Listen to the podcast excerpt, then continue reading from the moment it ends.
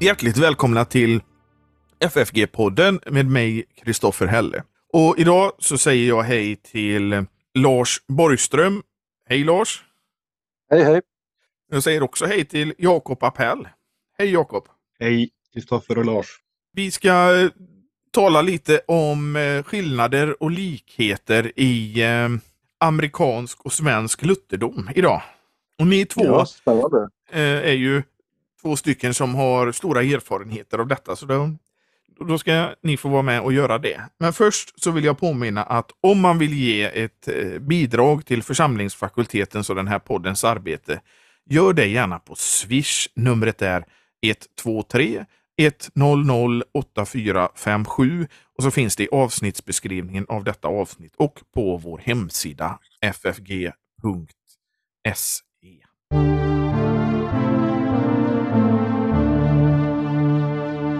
Jag tänkte så här att vi börjar med att se hur, hur blev eh, Sverige en, eller hur blev den svenska kyrkan, eller kyrkan i Sverige kanske man ska säga, luthersk? Eh, har du lust att säga några ord om det Jakob? Ja, om jag bara får väldigt förenklat säga så hade det med, med, med reformationen att göra i Tyskland som inspirerade några utav våra fäder i, i, i, i den svenska kyrkan, bröderna Petri och andra. Sen som vi vet med Gustav Vasa och hans blick för makt och, för inflytande såg jag också reformationen som ett välkommet tillskott eh, för hans ambitioner. Vilket gjorde, eh, kortfattat då, så att den, den romersk-katolska kyrkan som hade sin plats i Sverige eh, blev en, en luthersk kyrka, en reformatorisk kyrka med, med både teologiska influenser från Petri, bröderna och andra och kung Gustav Vasas inflytande. Eh, vilket gjorde att den lutherska kyrkan i Sverige fick en, en, en, en väldigt speciell prägel. Det var den gamla medeltida kyrkan som reformerades, vilket gjorde att många av de katolska uttrycken eh, behölls. Om vi tänker på kyrkobyggnader och, och liturgiska uttryck och så. Alltså strukturen fanns på plats redan. Men med ett, ett reformatoriskt eh, inslag och ett centrum som levt förstås vidare ända in i, i våra dagar. Och Lars, du har ju skrivit en bok om eh, Walter som grundade Missouri-synoden och tog det här lutherska till USA. Kan inte du gå igenom lite lätt hur det började? Jo, eh, och det som eh, Jakob berättade om här att, att lutherdomen kom till Norden. Vi har ju varit lutherska i 500 år men tyvärr så finns det ju inte mycket kvar utav, av det i Sverige eller i Norden eller i Europa överhuvudtaget, inte ens i Tyskland där reformationen föddes. Alltså vi har stora liberala lutherska kyrkor. I eh, Tyskland är den ju till och med unierad med reformerta. Eh, så att det finns inte mycket kvar av den genuina lutherdomen. Det finns det däremot over there, så att säga, i, i Amerika. Och det är mycket tack vare Walter. Men, men han är ju, var ju ingalunda den första eller den, den enda. Utan det, det har varit många strömmar av eh, lutherdom som har eh, kommit till Amerika från Europa. Det var ju redan på 1700-talet så, så bildades det ju en, en luthersk kyrka där. Eh, Henry Muhlenberg brukar ju kallas för eh, den lutherska patriarken av, USA, eller av Amerika. Eh, han eh, eh grundade The Ministerium of Pennsylvania 1748, så det är den första lutherska kyrkobildningen. Och det var eh, eh, tyskar som hade hunnit komma dit redan då, men, men tidigare hade även en holländare och engelsmän eh, kommit över i stora skaror. Eh, och de var ju inte lutherska, men, men det fanns bland holländarna ändå en, en minoritet lutheraner. Så det kan man säga var de första lutheranerna i USA. Och även svenskar var ju där tidigt också. Eh, I ehm, eh, Delaware och New Sweden. Eh, men eh, eh, det stora inflödet sen eh, är ju på 1800-talet eh, och det är då också som eh, Karl Ferdinand Wilhelm Walter eh, emigrerade eh, från eh, Sachsen. Och eh, eh, 1800 eh, nu ska vi se, 1847 var det, som eh, han, han då var med och grundade Missouri-synoden. Och eh, det var ju Sion i Missouri, en, en eh, högborg verkligen för konfessionell lutherdom. Eh, det fanns ju andra synoder som inte alls var, var lika konfessionella. Eh, eh, Wisconsin-synoden som idag har, har rykte om sig att vara den, den, den mest konfessionella av de större synoderna eh, och grundades några år senare, 1850, den var från början inte alls eh, någon strikt ortodox luthersk kyrka. Men eh, under påverkan av, av Walter och, och Missouri-synoden så kom de på, på bättre tankar så att säga. Och eh, 1872 så bildades eh, någonting som kallades för synodalkonferensen. Det var en sammanslagning av ortodoxa lutherska kyrkor och det var förstås Missouri-synoden som var den dominerande kyrkan i den här konferensen. Den bestod eh, eh formellt ända fram till 1967 faktiskt. Men redan 1963 så hade Wisconsin-synoden eh, lämnat eh, eh, synodalkonferensen på grund av missnöje med liberaliseringstendenser inom Missouri-synoden. Så det, det, är den, det är den eh, ska säga, konfessionella lutherska kyrkans bakgrund i USA. Men som svenskar så vill jag ju också att vi uppmärksammar den svenska kyrkan som bildades 1860 i USA, Augustana-synoden. Eh, Lars Esbjörn hette den svenske präst som åkte över och eh, organiserade eh, den här kyrkan. Eh, och sen har jag haft anledning att fördjupa mig i en eh, präst som heter Olof Olsson också, som kom från Värmland med eh, eh några hundra emigranter därifrån eh, och bosatte sig i Lindsburg i Kansas. Där finns det fortfarande ett starkt svenskt inflytande. Det som är tråkigt med Augustanasynoden det var ju att den sedan 1962 eh, gick ihop med eh, eh, Lutheran Church, eh, med andra lutherska kyrkor och bildade en liberal kyrka som hette Lutheran Church in America.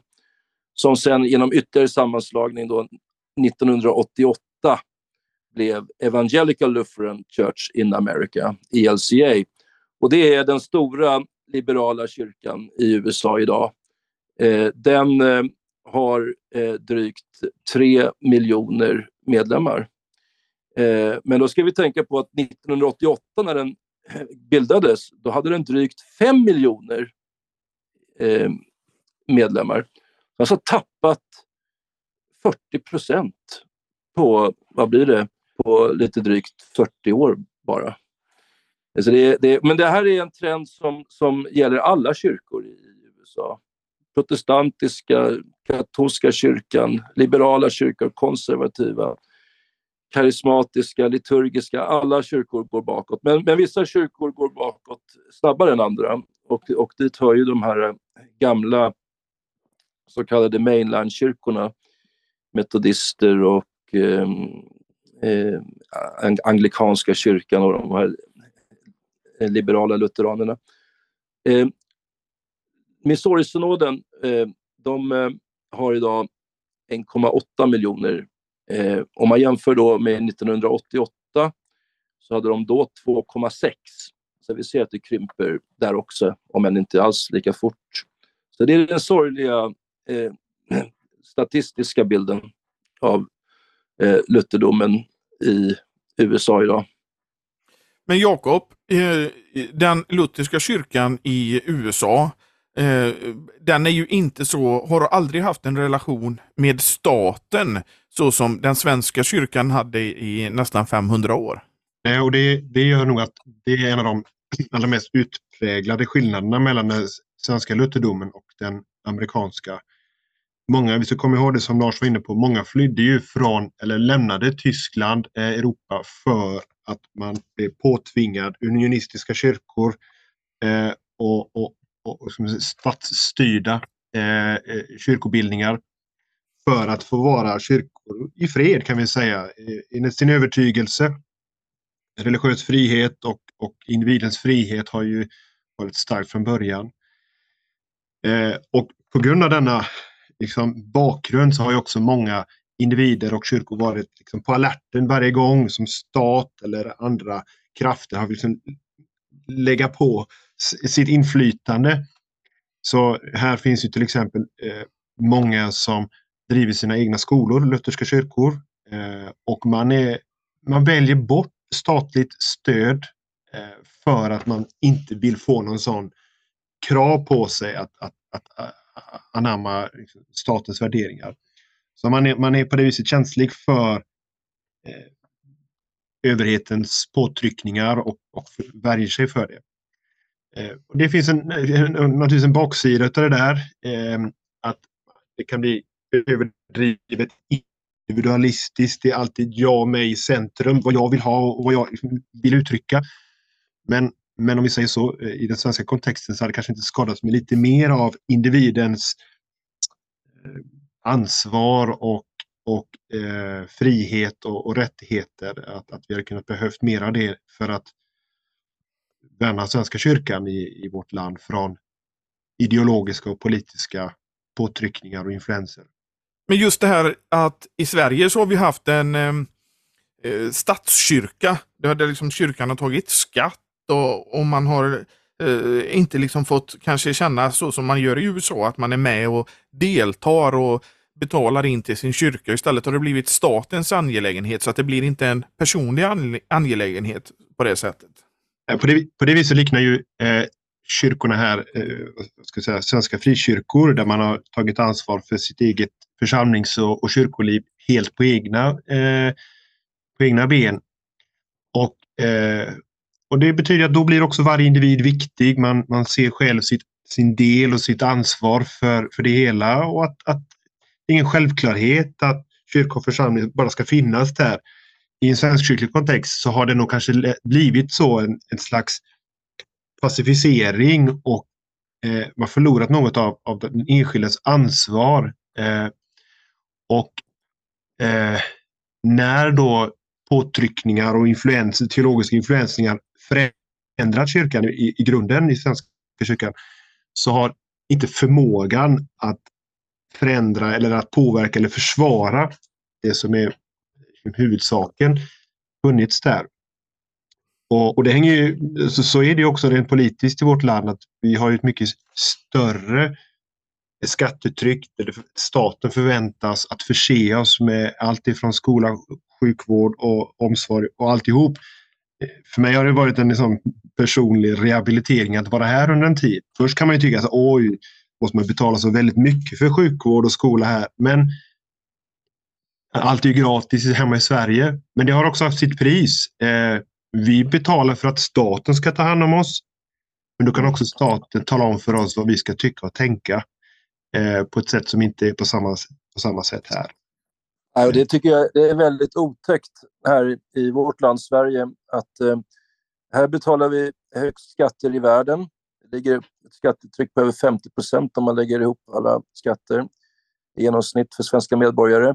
Och sen då de eh, samfund och föreningar som eh, är snälla och har de värderingar som staten vill att man ska ha, åtminstone att det, man har acceptabla eh, uppfattningar, då får man tillbaka en liten del av det som man har betalat in i skattepengar som en belöning för det. Eh, det är ju i grunden sjukt system alltså. Eh, det, det, är en, en, helt annan sak i, i Amerika. Eh, på det sättet så stämmer det fortfarande till viss del i alla fall att, att eh, USA är frihetens land.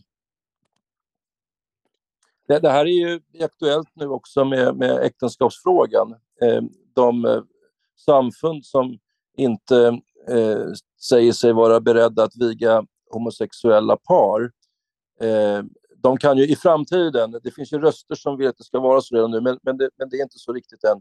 Men i framtiden så, så kanske de får eh, välja då om de ska eh, fortsätta på den bibeltrogna linjen och klara sig utan sina samfundsstöd eller om de ska rätta in sig i ledet så att säga. På det sättet så styr ju staten här i, i, vårt land eh, människors eh, åsikter och, och tankar och trosangelägenheter försöker man ge sig på. Vi, och ett, ett, ett, ett aktuellt exempel också i Svenska kyrkan är ju det här senaste kyrkomötesbeslutet. Nu var det väldigt lite marginal.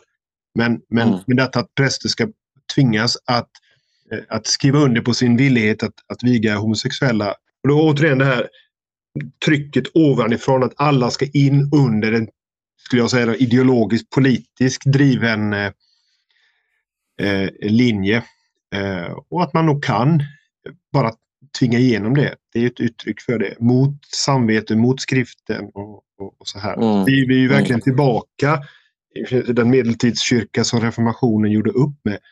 Vi måste låta skriften eh, vägleda våra samveten. Vi kan inte låta någon slags kyrkomöte, kyrkoordning. Alltså det, det, går, det, det är egentligen skrämmande att det, det är samma, inte ett nutt under solen, det är samma strid. Eh, mm. och, och, och, här i USA, det är klart att alla de frågorna finns här också. Eh, men den här, här har du mycket mera av att kyrkorna är, de är på alerten, så du har en konservativ falang för det. Och ännu så länge så finns det också, ända upp på de allra högsta nivåerna, en, en, ett rum för eh, traditionella värderingar. Vi, vi, kan ju ha ja, alltså, abortmotståndare på de allra högsta nivåerna som inte är rädda för att uttrycka det. Mm. Eh, som skulle vara fullständigt otänkbart i en svensk kontext. Så, så den, det utrymmet för att, att, eh, att ha bibliska värderingar är, är mycket större här och, och många fler är, är beredda också att strida för det. Även om vi också har mm. kyrkor, många kyrkor skulle jag ändå säga, som är helt inne på de här eh, eh ja, regnbågsteologi och, och, och, mm. och, politiskt korrekta varianter. Mm. Är det inte så att man i USA aldrig skulle tvinga att staten skulle gå in och tvinga en kyrka för just att separationen mellan stat och kyrka är så stark. Att man vill inte gå in och mm. ifrågasätta eller säga åt en kyrka att ni ska göra så här och ni ska göra så här. Men i Sverige så gör man det för att konsensuskulturen är så stark och att man har de här pengarna att dela ut. Mm. Ja, om vi, om vi anlägger ett, eh, ett lutherskt perspektiv på det här, den här så kallade tvåregementsläran så så, så, så är det ju inte alls så i, i äh, den svenska kyrkan. Utan där är ju äh, politiker inne och styr och, äh, och genom lagar också reglerar de ekonomiska villkoren för, för kyrkorna i Sverige, inte bara Svenska kyrkan. Medan i, i USA så, så är det en, en, det har aldrig funnits en statskyrka i USA. Inte sedan eh, 1776 när, när USA bildades. Före dess så fanns ju förstås den anglikanska kyrkan som, som statskyrka, men, men inte sedan eh, amerikanska revolutionen. Så man har haft en mycket eh, tydligare eh, rågång där mellan eh, Guds eh, världsliga och andliga regemente. Kanske människor tar sig för pannan här när man berättar att, att det finns socialdemokratiska partier mm. som eh, utgör en majoritet av kyrkomötet. Eh, det är klart att, att det, det är väldigt underligt. Eh, hur, hur kunde det bli så här? Samtidigt så är det ju så här att Svenska kyrkan har vad är det, nästan 6 miljoner medlemmar och, och i en demokratisk folkkyrka som det så vackert heter. Så det är klart att där har ju varje röst, varje medlem någonting att säga till om. Så kanske om jag, om jag får, får liksom sätta en liten kritisk anmärkning här till det här. Även om det politiska är, är, är är anstötligt så är det ju ändå till slut så att det är en demokratisk kyrka där medlemmarna har, har makten. Och 6 miljoner, där 1 procent enligt statistiken går i kyrkan, det är klart att det är klart att det blir en politiskt korrekt, eller det blir som folket utanför kyrkan vill ha det. Eh, så alldeles oavsett om man om man tillhör en socialistisk partigrupp och det är det som, som styr vad, vad individen, medlemmen, vill ha. Så att mm. om, om, man ska, om man ska säga så här, kanske är egentligen problemet att vi har noll kyrkotukt och ändå ska varje röst väga lika mycket. Eh, eller lärotukt. Det borde inte vara så här att vilken hednisk medlem som helst har lika mycket att säga till om som, som, som de troende. Så där, där finns något, något som har, har eh, gått snett.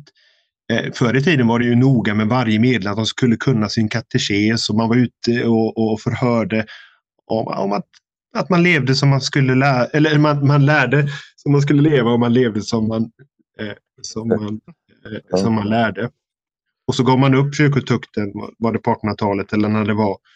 Och så har det bara eh, urgröpts mer och mer. Och, mm. och det, det, det, ser jag också. Ja, Socialdemokraterna, ja, Socialdemokraterna som har eh, Eh, styrt Sverige under större delen av 1900-talet har lyckats väl med sin eh, strategi att eh, vinklippa kyrkan. Från början så var man ju mot statskyrkosystemet. Man var ju, man, man var ju mot kristendomen och man tänkte att det främsta sättet att eh, bekämpa kristendomen är att avskaffa statskyrkan.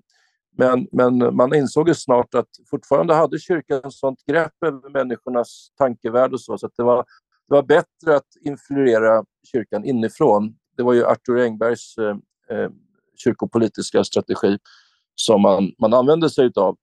Eh, och, eh, och som du säger, Jakob, så eh, har alltså varje medlem eh, fått en, eh, en, eh, ett, ett medbestämmande i att utforma kyrkans tro och lära och, och verksamhet och så. Det var ju inte alls så den gamla folkkyrkotanken var, eh, som Einar Billing stod för.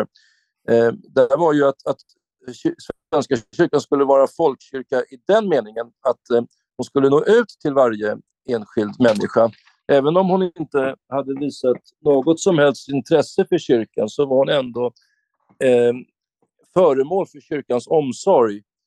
Eh, och, men, men, men den nya folkkyrkotanken som slog igenom, eh, det var väl från 50-talet och framåt, så, så blev det istället så att istället för att folket var eh, objekt för kyrkans verksamhet, eh, att förkunna syndernas förlåtelse, Eh, så var hon istället subjekt och liksom satte sig i kyrkorådsplatserna och, eh, ut, och formade då istället utifrån sina politiska eh, program kyrkans inre liv till och med. Men det ser vi ju, det, det ser vi ju liksom hur Socialdemokraterna är en av få partier som fortfarande är kvar i kyrkopolitiken i Sverige. Det är ju fler och fler partier som droppar ut men Socialdemokraterna är kvar och har en uttalad ambition och fortsätter och vill styra kyrkan efter sina preferenser. Mm. Det lite talande exempel var ju att i det här eh, nämnda kyrkomötesbeslutet om att införa eh, tvång, prästtvång så gick ju hela biskopsmötet ut och, och liksom uttryckte sina, sin sin ovilja till det här och att man skulle betänka att det, ja, det, det, var inte, det var inte läge och det var inte bra för kyrkan. Men hur få som till slut eh, följde eh, biskoparna i, när det kom till beslut. Och det är ett annat exempel på det här att om vi nu tänker att biskopsämbetet är tänkt som ett läroämbete som ska värna kyrkans lära och enhet och enhet på lärans grund. Den, det har liksom spelat ut sin roll. Och det ska nog också eh, finnas med här när vi också jämför USA och, och, eh, och Sverige.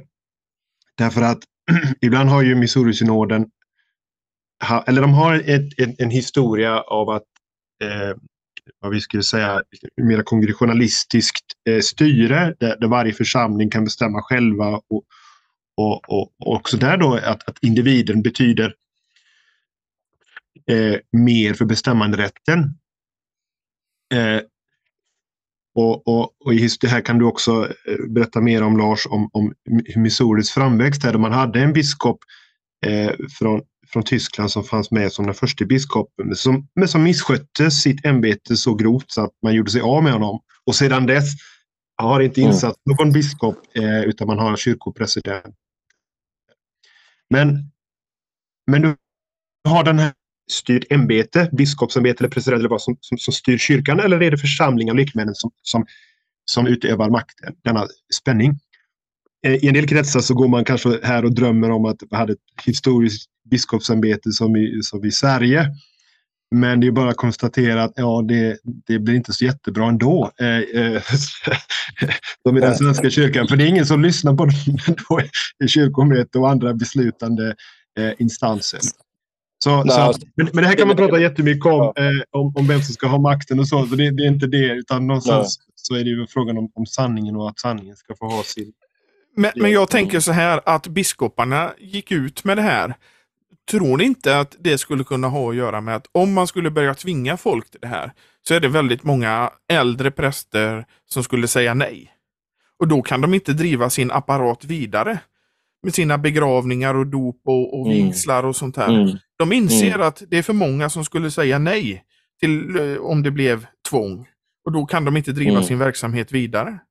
Så kan det vara. Jag, jag har ju inget som helst förtroende för, för eh, Svenska kyrkans biskopar. Jag, jag, jag tror att det, det, kan vara som du säger, att det, det, eh, man vill ju gärna tänka och hoppas att, att det skulle vara teologiska orsaker som gjorde att man så samlat satte sig emot det här kyrkomötesförslaget. Men, men det kan vara rent eh, eh, krasst, eh, som du säger, Kristoffer, att man, man tänker på att det skulle bli prästbrist och så vidare.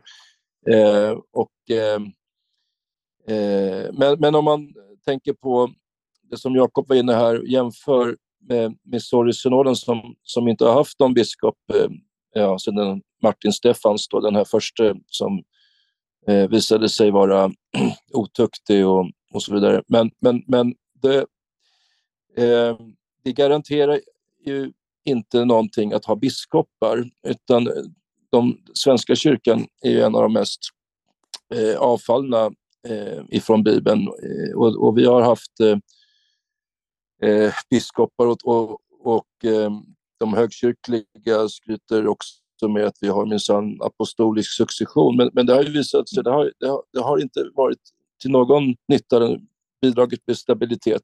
Utan det är till sist vilka personer det är som styr, vare sig om, om de är presidenter eller, eller om de är eh, biskopar eller om, om det är en mer kongressionalistisk modell. Så eh, jag tror inte att det finns någon eh, vinst med att, eh, att ha ett eh, episkopat.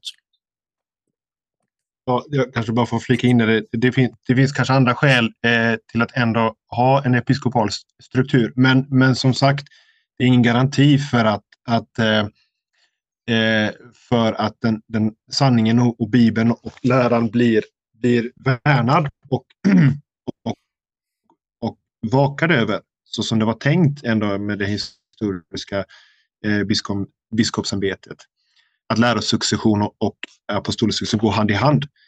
Eh, men, men, men i, i vår tid eh, i Svenska kyrkan så, så inser man att det, det är någonting som, som skaver. Det, det, det, det räcker inte att bara eh, peka på, på en historisk mekanisk apostolisk succession för att värna kyrkans liv. Så det är en sån tankeställare som, som vi får ta med oss. Mm. Och oftast när man har pratat med folk från Missouri-synoden och så, så berättar man lite hur eh, Svenska kyrkan fungerar med politiker och så. De håller ju på att trilla av stolen.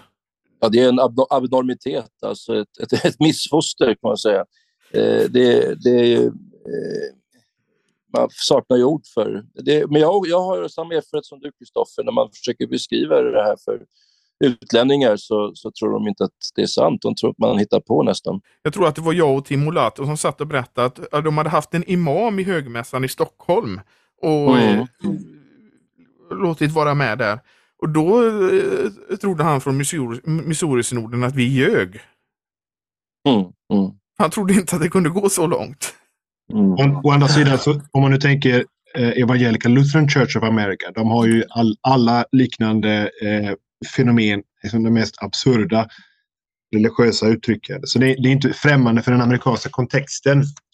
Eh, så, så att, eh, men att, att vi, vi besväras och, och, och liksom förvånas är ju att, att varje gruppering som bär namnet kyrka eller luthersk kyrka. Vi har en förväntan om att det ska vara i enlighet med någonting, med någon, med någon norm, med något som, som definierar vad kyrka är. Mm. Vi som har liksom klassiska en klassisk förståelse av kyrka och lutherdom och sådär blir, blir ju både förvånade och, och, och sorgliga. Mm. Där allt möjligt kan gå under namnet kyrka och, och lutherdom och, och, och så. Ja, man tycker det vore ärligare eh, om de avsade sig det lutherska namnet. Eh, men de, de självidentifierar ju sig som lutheraner och det är ju bedrägligt alltså. Det är ju en falsk eh, varumarknads, eh, eh, säga, marknadsföring. Eh, jag, jag råkade se på, på Facebook för något år sedan en ganska rolig mem, tror jag det kallas, någon slags bild eh, med eh, fyra händer som lades på varandra. Ni vet, det är en sån här lek man, man lägger händerna på varandra. Och då var det en hand, det var Missouri-synodens hand då, som lades där, och så var det Wisconsin-synodens hand och så var det eh, ELS då, eh, hand. Eh, tre lutherska kyrkor med människohänder som låg på varandra. Och sen kom e, ELCA med sin hand. Då, då och det var en Teletubbies hand. den var liksom helt, det var en annan art. Den, den, den hör inte hemma där. Alltså det, det, den, den ska bort. Den ska inte få eh, eh kategoriseras bland, i den lutherska gruppen. Liksom. Det är en helt totalt främmande fågel. Men det du säger där, tänker jag att jag läste den nya ärkebiskopens predikan som han hade inte så långt ifrån dig Lars predikat. Mm. Eh, och, och det, det, som jag tycker kännetecknar en luthersk predikan och luthersk teologi, det är ju ändå det här med lag och evangelium. Att det ska finnas både lag och evangelium. Ja, han blandade ju fullständigt samman det. Han sa ju att evangeliet om Jesus, eh, det var liksom inlagt i själva skapelsen. Eh, eh, och, eh, eh men, men evangeliet är ju någonting som inte vi människor kan tänka ut överhuvudtaget. Det måste komma till oss utifrån. Det är ju en himmelsk uppenbarelse. Lagen däremot, den, den har vi ju i våra samveten. Den är inlagd i skapelsen. Eh, men där ser man vilken, vilken andlig blindhet som råder, inte bara i Svenska kyrkans ledarskap utan också bland eh, kristna skribenter tycker jag, för han, han fick ju lovord för den här predikan och han var så Jesuscentrerad och så vidare. Va? Ja visst, han talade mycket om Jesus, men, men på vilket sätt? Eh, det var ju eh, en total sammanblandning av lag och evangelium. Om jag får, om jag får komma in där med, för det här tycker jag ändå är en, en sak som vi kunde eh, tala mer om när vi talar om skillnaderna mellan USA och, och, och, och Sverige om, om lutherdom. Så, så är det ju eh, sorgligt att se. En gång, en gång i tiden så fanns det ju eh, väldigt framträdande lutherska teologer, som, alltså världsberömda. Eh, Gustav Wingren, Aulén, eh, Nygren, många Billing, Billing och andra som var, var kända. Man läste och man, man, man, man deltog i ett seriöst teologiskt arbete. Vad sa Luther? Vad säger skriften? Vad säger vår bekännelse? Så även om vi, vi kan ha liksom våra eh, synpunkter på några av de här eh, teologerna så fanns det ändå en levande teologisk diskussion om vad det innebär att vara luthersk och så. Som, som ju tyvärr i en svensk kontext verkar vara helt ointressant. Utan det är bara makten bestämmer och så försöker man anpassa sin teologi efter, efter, efter vad som är, är gångbart. Men, och det är klart, det finns här i USA också. Men, men det som jag är så tacksam för när jag är här i, i ett bekännelsetroget sammanhang som Missouri-synoden så finns det ju en levande teologisk reflektion. Man, man ser det som, som helt avgörande för kyrkans liv att, att man fortsätter att studera skriften och bekännelsen och Luthertexter och ger ut Luthertexter på nytt och sådär. Eh, en, en, en, levande lutherdom eh, som har teologisk reflektion som ett avgörande kännetecken. Så det här med mm. lag och evangelium, det, det fortsätter man ju vara en levande diskussion om hur det ska rätt predikas och förstås och sådär.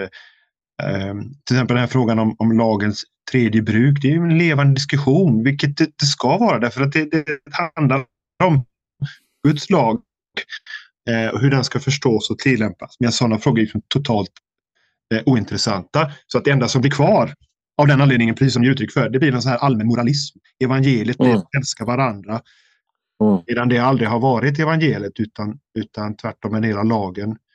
Mm. älskar inte det för att nej, detta är kärleken, att Gud har älskat oss, inte att vi älskat Gud och sänt sin son till försoning för våra synder. Där har du evangeliet.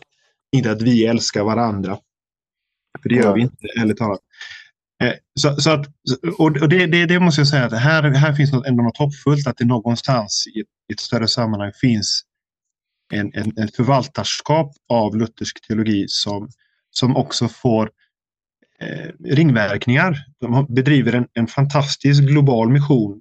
Kyrkor i Afrika som med glädje tar emot det här och förvaltar det och utbildar sina egna präster. Och så på något sätt så lever den lutherska kyrkan vidare men kanske inte främst i, i, i Europa eller i, i västvärlden utan på andra platser. Mm. Gud flyttar ljusstaken till nya platser. Ja, där, där, man tar vara på det och frågar efter det på ett sätt som, ja. som vi till vår sorg får säga, det gör vi inte på samma sätt i, i Sverige. Men jag, men jag tänker på, på det du nämnde, till exempel Gustav Wingren. Och jag pratade med en präst som, som läste i Lund på, på 50-talet och hade Gustav Wingren. Och han sa det att Gustav Wingren den var den mest intressanta föreläsaren där. Men det var också för att han kanske spårade ur på något sätt som gjorde att man fick förhålla sig till det och tänka under sin studietid. Eh, att han, och han hade ett, reflekterande tänkesätt. Medan idag så finns det inte på samma sätt utan nu är det ju mer indoktrinering på något sätt på, vid eh, de teologiska fakulteterna. Hade jag varit student i Lund på 50-talet hade jag nog hellre gått till Hugo Odebergs seminarium. Ja, det gjorde han också. Så att, eh, men han sa det att Odebergs föreläsningar var lite svåra att förstå. Ja, och, var... ja det, det, det, kan jag förstå. Man, har du hört någon eh, ljudinspelning? Ja, du, det var ju du som bjöd på det ja, här för Precis. några månader sedan. Ja. Det var inte så där jättelättillgängligt, men om man ansträngde sig så eh, både innehållsligt och eh, framföringsmässigt så var det ju en tröskel att eh, ta sig över. Men, men det var ju väl mödan värt. Men, men om man återgår till Wingren och Aulén så är det ju det två teologer som är kända i USA. Jag vet ju att teologer som har kommit till FFG till exempel har ju försökt att imponera lite och citera Wingren och så. För att det är bara en del av Wingrens verk som har blivit översatta till engelska. Och det tycker mm. de är intressant, men vi har ju en annan bild här. Och eh, ja. du, du, Ni kanske har märkt det? Jo, och det hänger samman med att alltså Wingren, han, när var det han dog? 2000 tror jag. Han, han levde ju med i hela den eh, teologiska förskjutning som skett i Svenska kyrkan. Eh, och, och, och även om vi kan läsa Wingens böcker med en viss behållning ändå, eh, från 40 och 50-talet, så var det ju en helt annan tid. Eh, och det, det finns nog sina förklaringar till att Wingren blir mer och mer, vad ska man säga, eh, kompatibel med den teologiska utvecklingen i Svenska kyrkan. Men, men på något sätt så, så, så vittnar det återigen om att i en annan tid, då, då var det ändå, man läste och det fanns en förväntan att man skulle göra bibelteologi, att man skulle läsa Luther och låta Luther tala för sig själv och inte liksom bara använda honom till alla möjliga politiska syften eh, som i nutida modern svensk lutherdom. Utan, utan, eh, men, men jag skulle vilja också lyfta fram en annan sak som, som, eh, som hänger samman med liksom, en, en, en, den tiden eh, och om en liten skillnad. Nu känns det förmätet att tala om skillnaden mellan svensk lutherdom och amerikansk när så lite finns kvar av, av, eh, av klassisk lutherdom i vårt land. Men, men många av oss har ju eh, med glädje tagit emot arvet från de stora kyrkväckelserna. Eh, eh Bojarts lyfter fram det som de tre specifika sakerna med den svenskkyrkliga lutherdomen. Eh, arvet från fornkyrkan, från reformationen och från kyrkväckelserna. Som också skiljer ändå in i våra dagar eh, det lilla fragmentet av svensk lutherdom som vi nu talar om och den amerikanska mera konservativa lutherdomen. Eh, där, där vissa inslag av det pietistiska arvet eh, till det saknas här. Och det, om jag ska försöka tolka och förstå det så handlar det mycket om den här, den här personliga tillägnelsen och också själavården som kommer av det. Att man, man hjälper mm. en människa att ta, ta till sig Guds ordet som lag och evangelium och förstå vad Guds ande gör när han överbevisar om synd. Och det är för att bereda väg för för överbevisningen om, om frälsaren och vad frälsaren har gjort. Så de mm. sidorna eh, eh, tycker jag, eh, där finns en liten skillnad som jag gärna vill lyfta fram och som jag ser som något värdefullt som jag själv har fått med mig ifrån Svenska kyrkans arv. Jag håller med. Jag, jag, jag har ibland känslan när man lyssnar på predikningar eh, i USA eh, att eh, det blir eh, Eh, det, det vetter lite grann åt eh, föredrag som, som lektioner. Det är inte det, är inte det där eh, eh personliga tilltalet alla gånger som man är van vid från, eh, från svensk väckelsetradition. Och sen en annan sak som jag också har tänkt på, det är ju att predikningarna idag är korta i USA. Alltså det är, jag, jag, brukar roa mig med att klocka predikningarna när jag sitter och lyssnar. Och det, de brukar vara knappt 15 minuter. Det är sällan det, det, är över 15 minuter. Så det är ungefär vad jag var van vid under min tid när jag var präst i Svenska kyrkan. Då var ungefär 15 minuters predikningar. Jag tror, jag tror att det har krympt idag i Svenska kyrkan. Jag vet inte, det kanske ni vet bättre. Men, men, men, men, men jag det, det jag vet Lars, det är att du predikar ja. definitivt längre än 15 minuter. Ja, det brukar vara mellan 25 och 30 minuter. Eh, och, eh, eh, Eh, men i USA, eh, både i Missouri och Wisconsin-synoden, så eh, det är lite, lite längre. I Wisconsin kan det vara ibland upp mot 20 minuter, men, men, men, men absolut inte längre än så. Och jag har frågat eh, präster om det där. Eh, varför är det så här? För, för, så här var det ju inte när Walter predikade. Han predikade i 45 minuter, uppemot en timme. Eh, men, men det är tv-generationen, säger de. Att folk orkar inte Eh, eh, sitta stilla och lyssna eh, mer än högst 15 minuter. Eh, men eh, jag tycker, det tycker jag är tråkigt. Jag, jag tycker att man ska istället ska vara någon slags motkultur eh, mot det här snabba och ytliga. Sen till deras försvar ska man ju säga att, att varje gång så har de ett gediget bibelstudium, då, antingen före eller efter gudstjänsten. Och är det en stor församling så har de två gudstjänster och, och, och då har bibelstudiet där mittemellan de två gudstjänsterna. Så att det är ändå så att man undervisar mycket från Guds ord. Jag håller med om det och och den bilden och beskrivningen. Eh, mycket och god undervisning, katekesen och skriften, bibelstudier och så, men väldigt korta predikningar. Och, men det, det, kan nog också illustrera något av den lilla skillnaden eh, från, från väckelsearvet där att där ville med väckelsetonen och väckelsearvet eh, med nådens ordning och sådär så, så fanns det en, en tillämpning, en precision, en, en, en vilja att hjälpa människor vidare på salighetens väg som man talar om. Och, och, och, och det, det, det talade till människor därför att man kände igen sig och förstod att det här angår mig och jag behöver detta. Så då kunde man också lyssna. Det är inte så där att en längre predikan självklart blir en bättre predikan. Eh, det var som någon sa att om man inte har något att ge så är, 45, så är fem minuter för långt, men har man något att ge så är 45 minuter för lite. ja, ja. Och, och, så är det. Och, och, de, och, och Gert lyfter fram att man, hade man läst in sig ordentligt på kyrkoväckelsens fäder och förstod deras angelägenhet och vad de hade lärt sig i sina många samtal med själavården så, så har man verkligen mycket att ge vidare själv sen. Och förstås också när man tillämpat det på sig själv och förstått att det är jag själv först som har ha själva födan. Som ett exempel på att jag tror ändå att det finns en, en, en slags anknytningspunkt. Många läser ju Bojarts Stengrunden med väldigt stor behållning och mycket av det Bojart skriver. Och jag tror att han har, har en förmåga att, att översätta det till amerikansk kontext så att det, så det kan landa. Så jag, jag tror att det finns åtminstone potential att, att, att förnyas här. Samtidigt som vi har ju allt tänkbart behov av, av hjälp härifrån. Till att hjälpa att, att bevara det genuint lutherska för en kommande generation. Det, det, är ju så ödesmättat kan man känna många gånger att det, det är nog snart slut. Men, eh, men det finns eh, vänner och, och, och allierade, låt oss säga, som, som har mer med sig resurser, teologisk eh, förankring som, som vi får hjälpas åt för en tid som denna. Men jag vet att eh, Robert Kolb berättade för mig en gång att Missouri-synoden är pietister utan att de vet om det själva. Ja, hur menar han med det?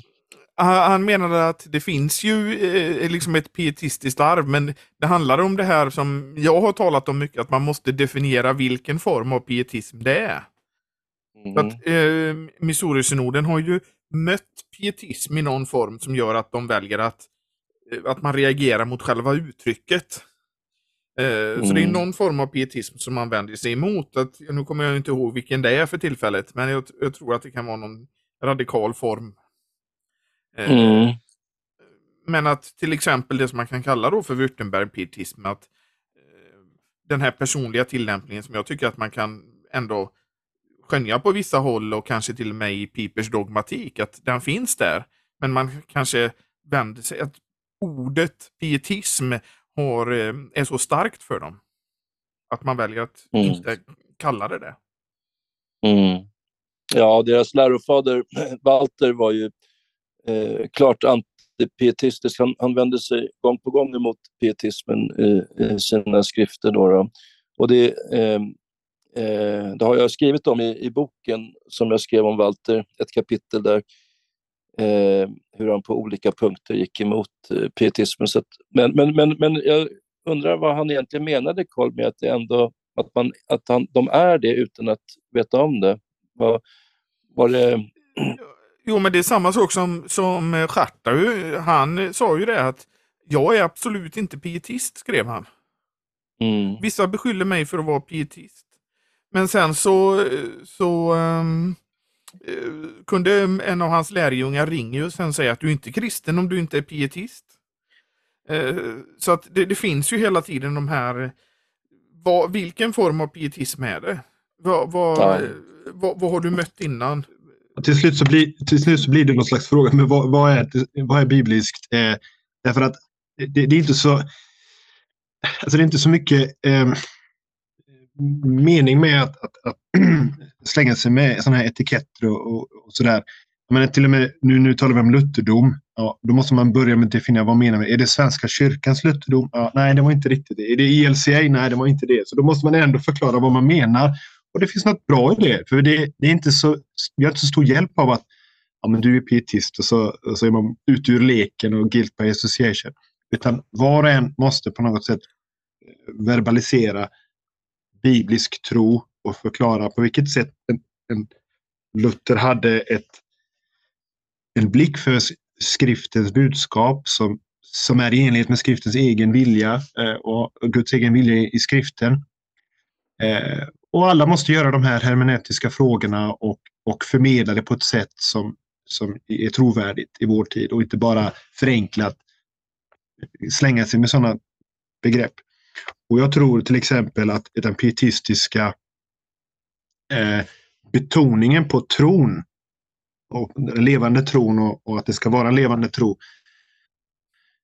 Det har ändå sina bibliska förtjänster. Alltså, tron, eftersom det är en gåva av Gud så, genom nådens medel, så har den ett visst uttryck och en viss karaktär som vi kan härleda bibliskt.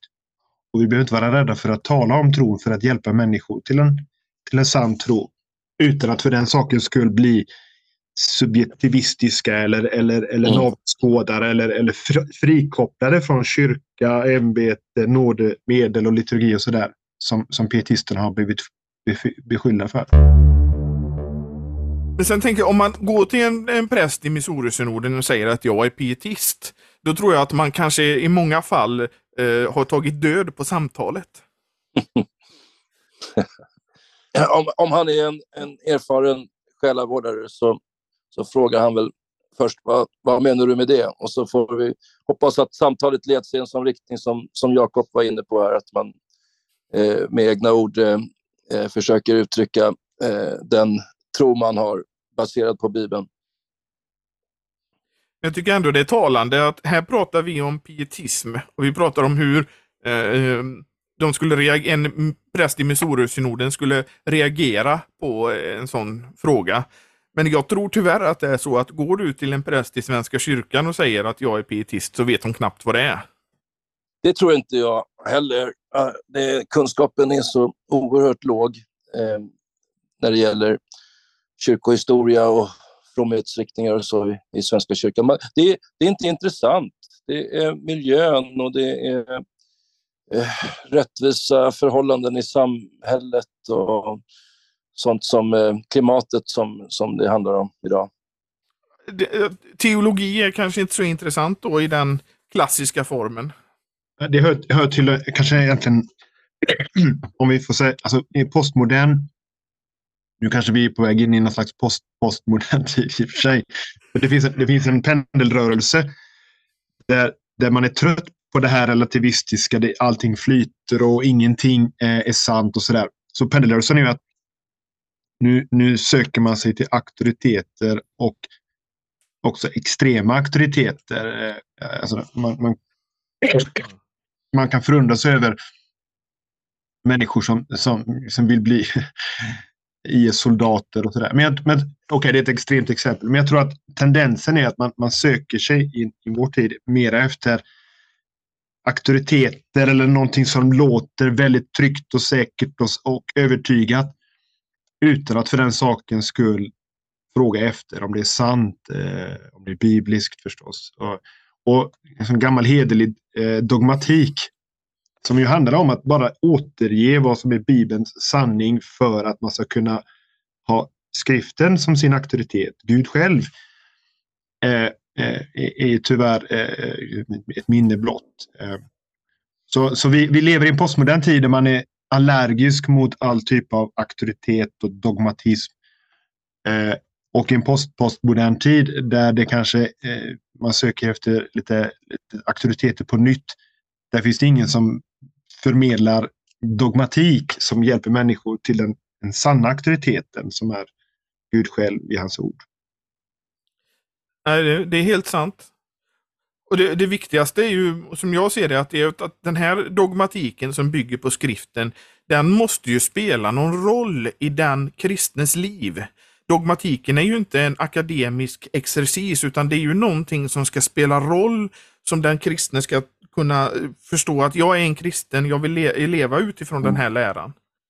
Det betyder mm. någonting för mig. Den sanna, eh, goda eh, teologin, den eh, för ju oss till himmelen. Det är det som är målet. Nu, nu är det klart att vi, vi, alltså varför det har blivit så här, om man tittar i det historiskt så har vi ju sådana influenser som eh, Schleiermacher och den historiskt kritiska skolan som så att säga, undergrävt skriften som en auktoritet. Eh, och om, om Schleiermacher så, så ligger på något sätt sanningen i oss själva och i våran eh, förnimmelse av Gud. Och så har det nog blivit att dogmatik blir det som härstammar ifrån oss och våra liksom, sökande och vårt längtande och våra förnimmelser av Gud och så försöker vi någonstans sätta det på någon, någon, någon, eh, någon, någon slags eh, livsåskådningsprogram som, som gäller för människor. Men, men det är ju ett otroligt eh, subjektivt och eh, eh grundlöst fundament. Mm.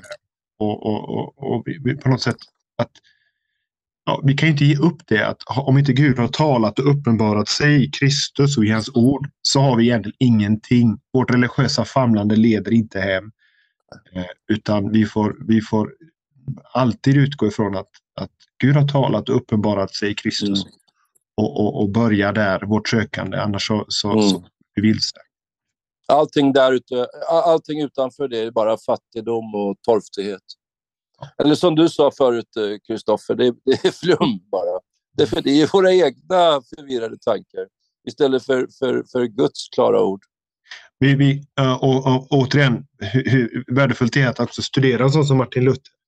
Det finns många sådana one-liners där han kan säga dråpliga saker och så. Men han, han sa en gång så här, av alla falska profeter i världen så fruktar jag den som finns i mitt eget hjärta. Och Det finns en slags realism där att om jag utgår från mig själv och vad jag själv känner och tänker och hoppas och vill och längtar efter så bedrar det mig. Så jag behöver, jag behöver på något sätt Guds nyktra diagnos som hjälper mig att se att vad jag vill mm. är inte, mm. för det första, vad inte Gud vill, men det jag vill är inte heller till mitt eget bästa. Och, och mm. därför är vi helt utlämnade åt att Gud talar och talar liv in i våra fattiga döende, döda själar mm. till liv och, och eh, på den vägen finna också eh, frälsning, evighet. När jag gick på pastoralinstitutet eh, för att bli präst i Svenska kyrkan, det är ju efter teokanden så, så gör man ett avslutande år där med, med praktiska studier. Då fick vi lära oss av själavårdsläraren att det finns en metod för att få reda på vad som är Guds vilja med våra liv. Och den metoden det går ut på att eh, man ska ställa sig frågan vad man innerst inne verkligen vill. För ens innersta vilja, sa den här själavårdsläraren, det är exakt samma sak som är Guds vilja. Så att eh, det är ju ett, eh, ja, det, det, är ju verkligen ett eh, talande exempel på hur, hur, eh, vilket mörker man famlar i, i, i Svenska kyrkan tyvärr. Och det, det, jag menar, det, det är Schleiermachers teologi. Eh, och, och du måste komma ihåg att Schleiermacher, han försökte ju rädda teologin eller rädda kyrkan från den historiskt kritiska mm. totala under, undergrävande av skriften och skriftens inspiration. Och, så att om, om, om man så att säga teologin är oantastlig från, från eh, bibelkritiken, det vill säga det, det, sanningen finns i oss själva, då har vi räddat tron. Då, då finns ingenting som kan eh, eh, eh krossa kyrkan då. Mm. så det, det, var någon slags välvilja där. Men mm. Eh, Gud, så som uppenbarad i skriften, det är egentligen den enda eh, genuina gudskunskap som, som vi har. Och det är en evig teologisk eh, ärende för varje ny generation. Att, att föra det fram och, och, och förklara det och, och, tala om det på ett sätt som, som gör att människor förstår att om jag bara ska gå till min djupaste känsla, min djupaste jag, mm. så, så slutar det inte väl. Och vi kan nog se på det här, ett uttryck för det där med i vår tid med könsbyten och sådär, att människor som söker sitt sanna jag i könsbyten och, och liksom sexuell identitet, det tenderar ju aldrig ta slut. Det är som ett ändlöst träsk där man söker efter sitt sanna jag utan att finna det. Därför finns det också några goda nyheter i vår tid. Att men Gud har talat och talat till dig personligen om vem du är och vem du är skapad ja. av och, och ditt höga värde. Du är inte bara vad du känner att du är utan du är något mer, något större. Eh, och att, att det är goda nyheter att Gud faktiskt objektivt sett har, har talat det till oss var och en. Mm. Ja, Guds eh, ord, alltså Bibeln, det är ju hans brev till oss. Det är så han talar till oss och det får vi ta till oss helt enkelt. Men, ja, och han är en god Gud så det är en oerhörd trygghet i allt detta. Han är så omsorgsfull om oss, var och en. Men jag tänkte om vi rundar av lite det här nu med amerikanskt och svenskt så kan man säga att Martin Luther på ett vis är mycket mer levande på andra sidan Atlanten, där du befinner dig nu Jakob, än vad han är här i Sverige, där jag och Lars är. Jo, mm. eh, men det hänger också samman med att sekulariseringen har kommit mycket längre i, i Sverige. Det är en ganska stor del som går till kyrkan regelbundet här. Eh, jag var mm. i en stadsdel i Indianapolis där de sa att ja, men ungefär 50 procent som går i kyrkan här. I en välmående, rik eh, stadsdel, nybyggd, tagen med häpnad. Eh, mm. Det gör också att eh, religionen, det kan vara allt möjligt förstås, men den har en mycket större plats i det offentliga rummet, också politiskt. Fortfarande mm. måste presidenten värna de kristna rösterna i, i presidentval och sådär. Mm. Eh, mm. Det gör också att, att enskilda kyrkor också lever och frodas på ett helt annat sätt. Men, När det gäller just lutherdomen så i USA så kan man ju påpeka också att, att eh, den är ju inte jämnt fördelad över landet utan den har ju sin koncentration i vissa stater. Och det är ju dit eh, skandinaver och tyskar flyttade. Eh, Minnesota är den stad i USA som eh, eh har eh, över en miljon lutheraner faktiskt. Eh, det är drygt en miljon lutheraner där och så kommer Wisconsin på andra plats, 895 000. Missouri där Missouri-synoden har sitt eh, teologiska centrum och kyrkoledningen sitter, eh, där är det faktiskt bara 170 000 lutheraner. Så det är lite förvånande ändå. Men, men det kan vara värt att påpeka bara just att, att eh, de flesta lutheranerna bor uppe i norr där, Minnesota och Wisconsin. Jag tycker så här, jag kom, vi har haft ett bra samtal och kommit fram till vissa mest skillnader tror jag mellan USA och Sverige i dagsläget. Det kanske mm. någon gång finns eh, anledning att återkomma till detta ämne. Men jag tackar er så jättemycket för att ni har varit med i podden. Tack Kristoffer och tack Jakob. Och Jakob, jag önskar dig lycka till med dina fortsatta doktorandstudier.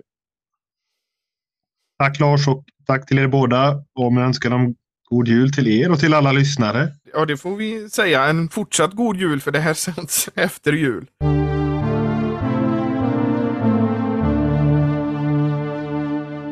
Och det är ju faktiskt så att om man vill så kan man bidra till församlingsfakultetens och den här poddens arbete.